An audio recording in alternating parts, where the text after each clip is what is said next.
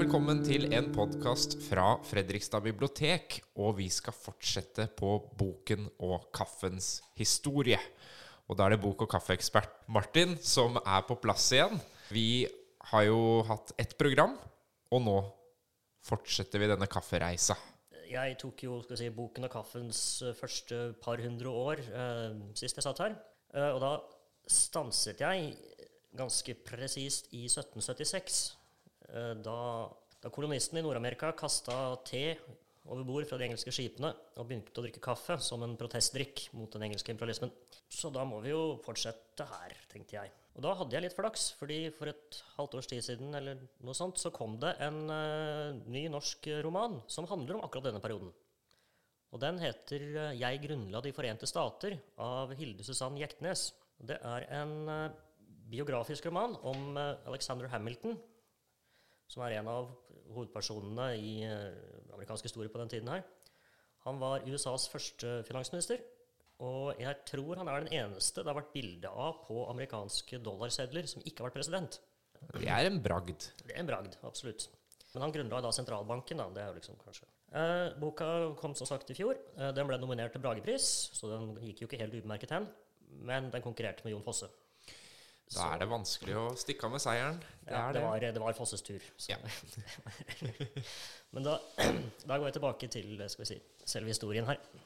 I den perioden boka her handler om, og den strekker seg over et visst tidsrom, fra, eh, fra 1750-årene kanskje og frem til 1800-tallet Men da var USA mye mindre enn er nå.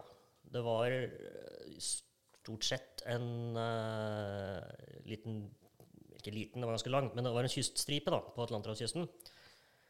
Med noen spanske kolonier helt i sør og britisk Canada i nord. Og det fantes ikke noe vest, egentlig. Det var uh, selvfølgelig bosetning langt inn i landet, men ikke, det vi tenker på som sånn vestlig USA, var ikke en ting. De var sånn økonomisk og sosialt så var det liksom delt i en sånn nord-sør-bolk, disse forskjellige statene. Det var 13 av dem til å begynne med. da. Og de var, skal vi si ja, Boka kaller det jo De forente stater, eh, og det var de jo knapt nok.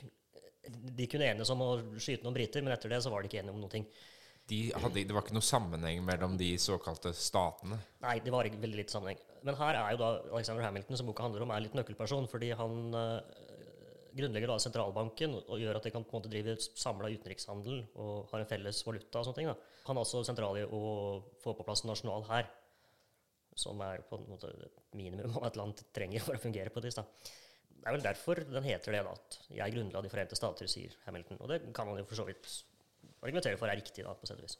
I de nordlige statene så var det mest sånn selveiende småbønder og handelsfolk, og litt sånn uh, spirer til industri, litt sånn håndverksvirksomhet i ganske stor skala. Mens i sør så hadde de sånn nesten aristokratiske plantasjeeiere som eide enorme områder. Og de baserte seg på slaveri for å drive med bomull og tobakk og holdt på å si kaffe, men det tror jeg ikke det var veldig mye dyrking av der. Det tror jeg litt lenger sør. Mm. Um, altså Det skillet her det peker jo selvfølgelig mot borgerkrigen 70 eh, år seinere. I noen grad så kan man lese litt, litt altså, Se på generelle trekkene av demografien i USA, så ser man noe av det samme fortsatt. Men det kan man selvfølgelig lese mer om i en bok om amerikansk historie. Det har vi jo flere av her i biblioteket, så det vil jeg anbefale å gå og kikke på. Spørsmålet nå er selvfølgelig drakk de kaffe? Drakk de kaffe? Det er, det er, alltid det store ja, det alltid spørsmålet. spørsmålet. Det er utgangspunktet. Ja, Uansett hva jeg på en måte leser av uh, begivenheter eller hendelser fra tidligere, så lurer jeg på det. Selvfølgelig. Og vi sitter med hver vår kopp. Ja, det var ja. Så en kort, en, uh, kort, kaffeskål. Kort kaffeskål. Det er jo sånn faktisk at uh, i USA nå så drikkes det altså 400 millioner kopper kaffe hver eneste dag. Ja, og de har en voksen befolkning på kanskje 200 millioner. Ja. Så det er noen ja, kopper. Det er mye. Ja, det er, det er mye. Mm.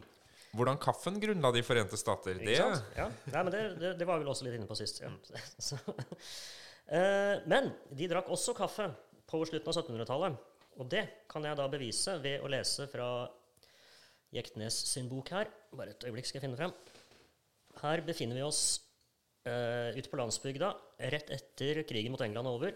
Holdt på å si, nye eliten prøver da å organisere samfunnet, og da har de engasjert en slags budbringer eller postrytter som reiser rundt med beskjeder da, mellom statene. Det er han som er forteller i denne, i denne, delen, av, uh, i denne delen av boka. I Fredericksburg sov jeg noen timer hos skyssmesteren. Da jeg våknet, hadde skyssmesterens kone laget kaffe og eggerøre. Kaffen var virkelig god.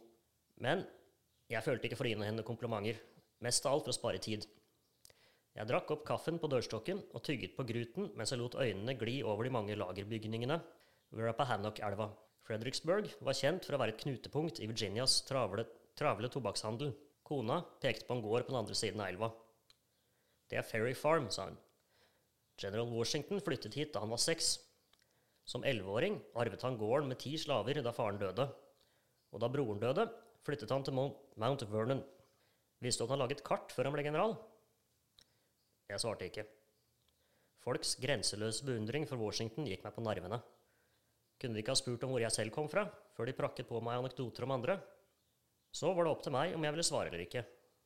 Hvis jeg var i godt humør, skulle jeg si at jeg var fra en tallrik irsk familie på Long Island, og at jeg var stolt over å ha blitt ekspressrytter i en alder av 20. Det var dette jeg hadde lyst til å gjøre. Ikke gå på universitet eller dyrke jord eller være vitne til at mamma gikk til grunne fordi hun var gift med en mann som følte seg religiøst forpliktet til å gjenta forfedrenes feil. Jeg ville bare være aleine. Hvis du spurte om han var en troende mann, skulle jeg si at Gud var en krumrygget mann, mann med stav som alltid sto med ryggen til. Jeg var ikke redd for han, men det var ingen som spurte. Oppkvikket etter kaffen galopperte jeg videre mot Dumfries. I Stafford-området åpenbarte Potomac-elva seg på høyre side, og både hesten og jeg trakk grådig inn den friske elveluften. På skysstasjonen utenfor Dumfries var det flere som reagerte da jeg sa at regningen skulle sendes til oberst Hamilton. Han var tydeligvis en upopulær mann i disse trakter, til tross for at han var general Washingtons høyre hånd. En rødhåret mann med glinsende kjaker spurte hva det sto i brevet jeg fraktet. Jeg har hørt noe om en grunnlov som skal ta beslutningsmakten vekk fra delstatene, sa han. Den skotske bastarden vil tvinge oss til å betale skatt til de rike pampene i New York. Det neste blir vel at han tar fra oss niggerne. Hvis det er noe sånt søppel du bærer, så er det best du tar det fra deg. Mennene omsluttet meg. Jeg vekslet blikk med skismesteren, som pekte mot rifla på veggen, men jeg ristet på hodet. Vanligvis holdt jeg munnen lukket om brevene jeg fraktet.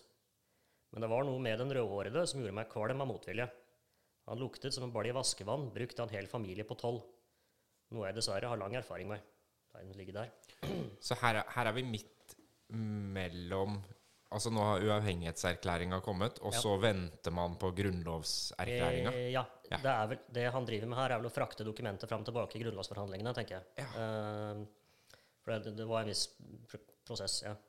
Og det, altså det, det, som kom frem her, så dreier det seg litt sånn om skattlegging og sentralmaktens myndighet osv. Mm. Det var veldig konfliktfylt. Ja. Og det er fortalt på en måte i en jeg-person-form. Det, det, må jo ja. være litt diktning her òg, selv om det er biografi og man har basert det på historiske Så har man tatt Det er liksom noen diktefriheter? Det er veldig mye diktefriheter her. Ja. Absolutt. Og det, uh, det, er en litt spesiell struktur på boka, for den er uh, Hvert kapittel har ulik forteller som hopper Altså Den beveger seg på en måte kronologisk fra liksom Hamiltons barndom og så frem. Og så er det som regel personer rundt han på en eller annen måte. Sånn som denne postrytteren er jo vel perifer, men det er jo ofte sånn slaven hans eller kona hans eller noen som kommer til orde. Ja. Får man da sånn fragmentert, litt rart bilde av denne personen, ikke sant? som ikke alltid er så veldig sympatisk. også for all del. Det gir jo også litt sånn Det er litt artig grep, fordi du får et veldig Får et nyansert bilde, liksom? Eller? Ja, det kan du godt si. Det, altså når på en måte slaver på bomullsplantasjene forteller sin historie, så det er noe litt annet enn når advokater i et kontor i New York forteller sin. ikke sant? Ja. Eh, så, så, da, så det, det, blir litt sånn fint tverrsnitt av et samfunn. da, på mm. men, men, hvor kom denne mannen fra? Altså, Dukka han bare opp av intet og ble liksom finansminister? Eller ja, faktisk, mer eller mindre. Det, ja. det er det som er så rart. Han, han var, han var uh, uekte barn, altså født utenfor ekteskap. Uh, danske slaveøya St. Croix. Ja. Han var av skotsk herkomst. Han var ikke danske, for så vidt, men, eh, men han bodde, bodde nå der og tilhørte liksom underklassen. Men så kommer han i kontakt med en prest som da begynner å sponse litt, så han får litt utdanning. Og så verver han seg til revolusjonskrigen når den anledning byr seg. da. Og da snakker vi om øya San Croix, som har gitt navnet til San Croix-krysset her i Fredrikstad. Ikke sant? Ja. Nettopp. nettopp. Så eh, ja, det, det har jeg alltid Jeg er jo innflytter her, så jeg har alltid lurt veldig på det. Hvorfor i all verden er det danske slaveøynavn eh, i Fredrikstad? Men ja, ja. Det, eh, altså Sånn sett så har den en viss lokal forankring også, hvis man strekker det langt. da. Men eh, Helt klart.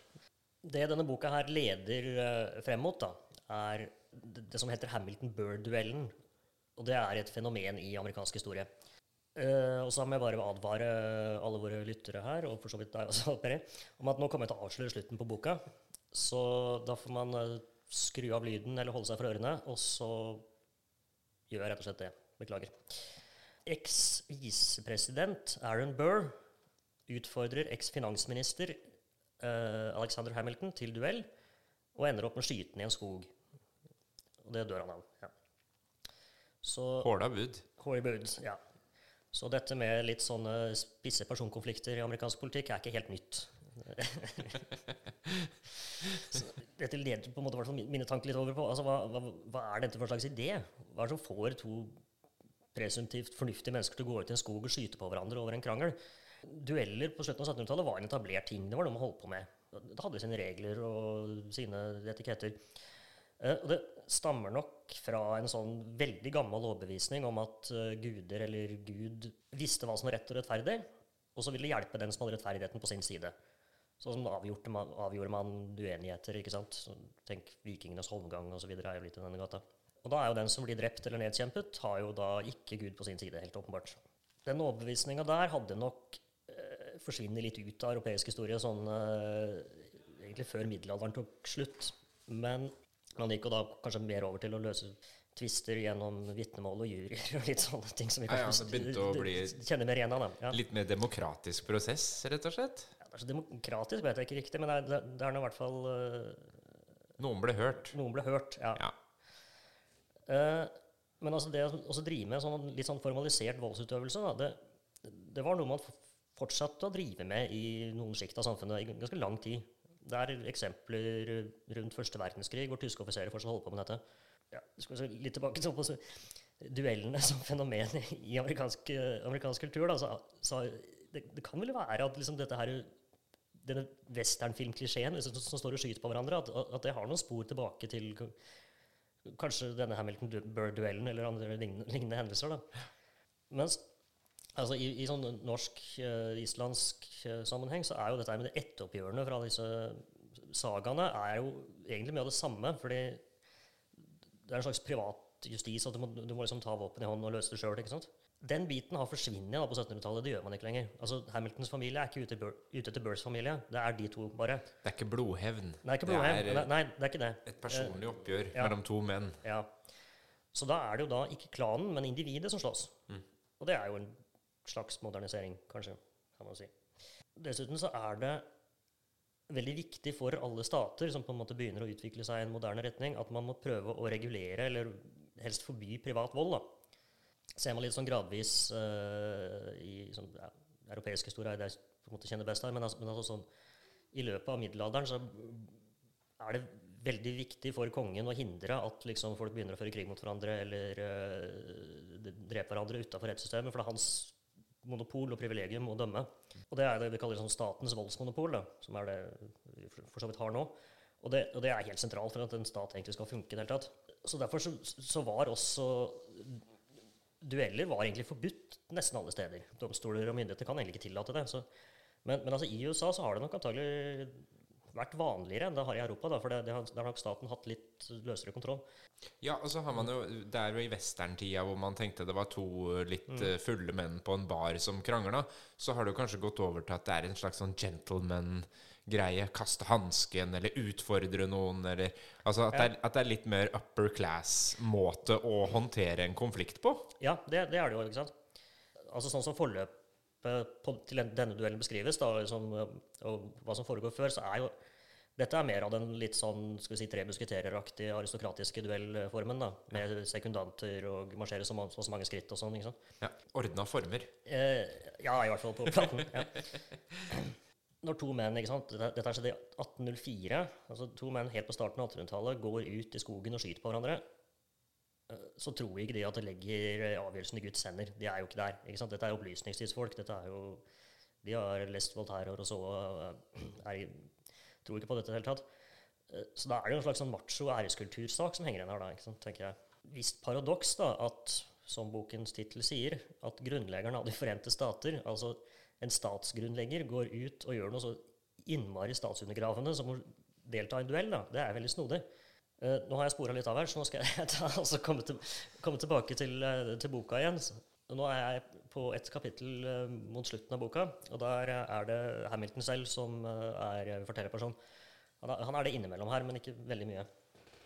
Her er Hamilton i et veldig fasjonabelt middagsselskap i New York, og så kommer vi vel inn litt sånn på slutten av serveringen, tenker jeg. Jeg unnskyldte meg og gikk ut. Problemet med disse middagene var å holde tråden. Det ble i det hele tatt stadig vanskeligere. Tankene ble enten trukket ned i en gjørme av sorg, eller steg forrædersk lett til topps, der de filtret seg sammen til ugjennomtrengelige klaser. Strålen skjente ned i avløpet og spratt tilbake på strømpene. Den som kunne overlate alle kroppens funksjoner til en tjener, og bare eksistere som ånd og tanke, og kunne forflytte seg overalt uten å tynges ned av legemet. Den eneste fysiske disiplinen jeg ikke kunne klare meg uten, var tungens dans bak, ta bak tannreken. Resten av kroppen var tung, omtrentlig og dvask. Jeg kunne ikke løpe fra den, slik den ikke kunne løpe fra noe som helst. På vei tilbake gikk jeg forbi dommer Taylor, som utpasjonerte siste serveringsrunde mens lakeiene ryddet av bordet og byttet duk. Måltidet kulminerer i himmelsk hærskar av søtsaker, ropte han.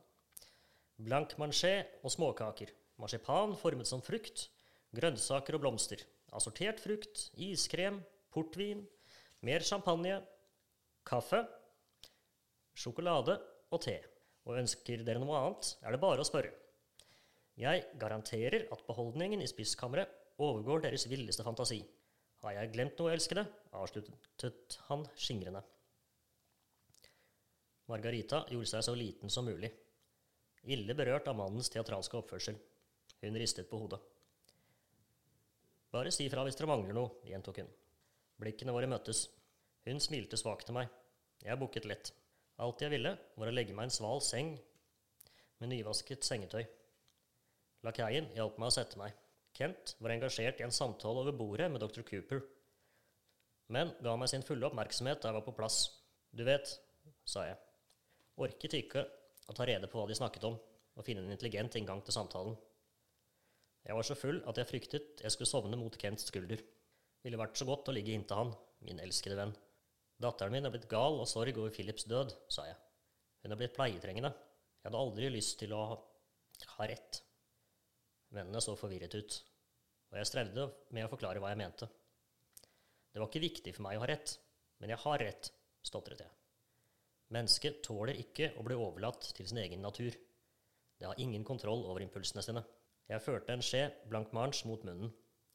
Men den sykelig hvite fargen, kombinert med den skjelvende konsistensen, gjorde meg uvel. Jeg la skjeen tilbake urørt på asjetten. Fortell meg heller hva dere snakket om mens jeg var borte, snøvlet jeg. Kent og dr. Cooper så oppgitt på hverandre. Det er vel det de fleste snakker om i kveld, sa Kent. Hvordan vi kan få Morgan Lewis valgt som guvernør i New York, og ikke visepresidenten. Aaron Burr. Der har du en farlig mann. En som aldri burde hatt noe offentlig styreverv, sa jeg, og vinket til meg lakeien, som serverte mer brandy. Samtidig forsynte jeg meg av en marsipanrose som lignet en prippen anus. Kent nikket. Burr er et anatomisk mirakel, sa han. Han har klart å romme alle sju dødssynder i én kropp. Dr. Cooper stemte i. Han er New Yorks mest lovløse advokat, sa han. Han plyndrer sine egne klienters hus og tvinger kvinner inn i prostitusjon. Ikke nok med det, sa Kent. Jeg har hørt fra flere pålitelige kilder at han har utyktig omgang med slavekvinner. Jeg snuste diskré på marsipanrosen, la den tilbake på tungen, foldet leppene rundt og sugde saften ut av kronbladene. Fremfor alt er han prinsippløs, sa jeg. Men det er ikke det verste. Kent og dr. Cooper ventet utålmodig på fortsettelsen. Flere andre ved bordet hørte også etter. Jeg ble oppildnet av å se for meg Burrs utflytende ansikt, hvor dyprøde kinnene hans ville bli om han hørte hva jeg sa. Dere har vel hørt historien om datteren hans? sa jeg med et uskyldig blikk. Ingen bekreftet noe kjennskap til dette. Jeg lo. La oss bare si at visepresidentens seksuelle, seksuelle appetitt er umettelig, og at hans preferanser går i alle retninger, sa jeg, og stakk fingeren dypt inn i magesåret. Det var like før jeg kasta opp. Mennene rundt bordet betraktet meg med en blanding av skrekk og beundring. De kjente godt til mine egne indiskresjoner, og flere tenkte sikkert at jeg kastet stein i glasshus. Men Burr var av et helt annet kaliber. Hans perversjoner kjente ingen grenser. Publikum ventet på mitt siste triks. Jeg var ikke en som lot publikum vente. Hvorfor gå over bekken etter vann når man har alt man trenger i egen husholdning, sa jeg. For å poengtere avslutningen grep jeg en diger appelsin fra fruktfatet og ga meg til å skrelle den. Mennene var målløse. Bare Kent beholdt fatningen. Da får vi skåle for at general Hamilton forhindret Burr i å bli president i 1801, sa han og løftet glasset muntert. Morgan Lewis som guvernør. Alle skålte. Suksessen jeg hadde hatt med anekdoten, gjorde at jeg ikke klarte å snakke, slutte å snakke. Her brygger det opp til noe. Ja, her blir det bråk. Det kan jeg jo skjønne. ja. Så altså det, det kan man jo på en måte lese ut av eh, dette partiet av boken, da. Men det er en annen ting man kan lese ut av denne delen hvis man setter den sammen med den forrige jeg leste. Og det er da at allerede mellom jeg vet ikke riktig, ca. 1782 og 1804 så drikkes det kaffe i alle sosiale lag i USA. Både i by og land.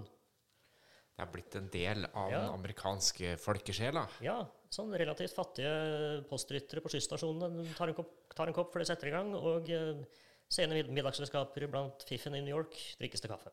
Er det jo også selvfølgelig nærliggende å tenke at hadde Hamilton i dette middagsselskapet som skildres her, holdt seg til kaffe, så hadde han ikke vært i live i dag, men han hadde kanskje levd lenger enn han gjorde.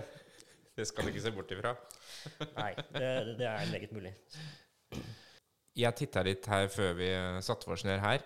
Og hvis du tilbys norsk kaffe, i anførselstegn, i the Midwest i USA, så betyr det at det er en kaffe så sterk at hesteskoen kan flyte på toppen.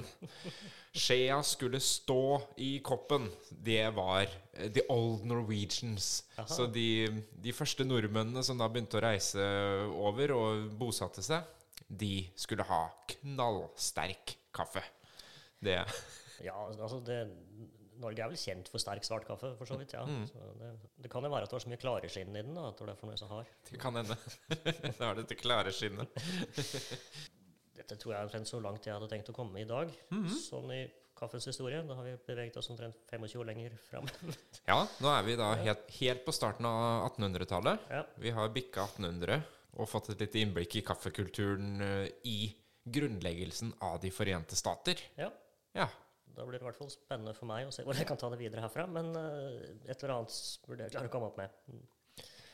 Det blir veldig veldig spennende å høre. Uh, og hvis man vil hoppe enda lenger tilbake, altså hvis vi hopper til 1600-tallet, tidlig 1600-tall, og New Amsterdam, altså gamle New York, så må jeg anbefale en bok fra en som heter Frans Arne Stylgard. Arkeolog. Har uh, forska på det her og sett på nordmenn som reiste eh, fra Nederland til USA og var med på holdt på å si nesten opprettelsen av uh, New York. Og Der er det også et P2-program som heter Museum, eh, Øyvind Arntzen i spissen, som reiser da sammen med Stylegard til New York og går på alle disse plassene og finner spor av nordmenn. Blant annet New Yorks første jordmor var fra Norge. Og den første skilsmissen selvfølgelig er fra Fredrikstad. Åpenbart. Så her er det, det er mange spor. Både nordmenn, kaffe og De forente stater har en linje. Ja da. Nei, men det, det høres absolutt veldig spennende ut. Den, den har ikke jeg hørt. men det det. Det må du sjekke ut. Mm. Og så gleder vi oss veldig eh, til fortsettelsen. 1800-tallet og videre. Kanskje et helt annet kontinent. Hvem vet Nei, hvor, hvem vet. Hvor vi ender. Vi får se. Det kommer kanskje en del tre av boken og kaffens historie. Tusen takk, eh, Martin. jo, tusen takk.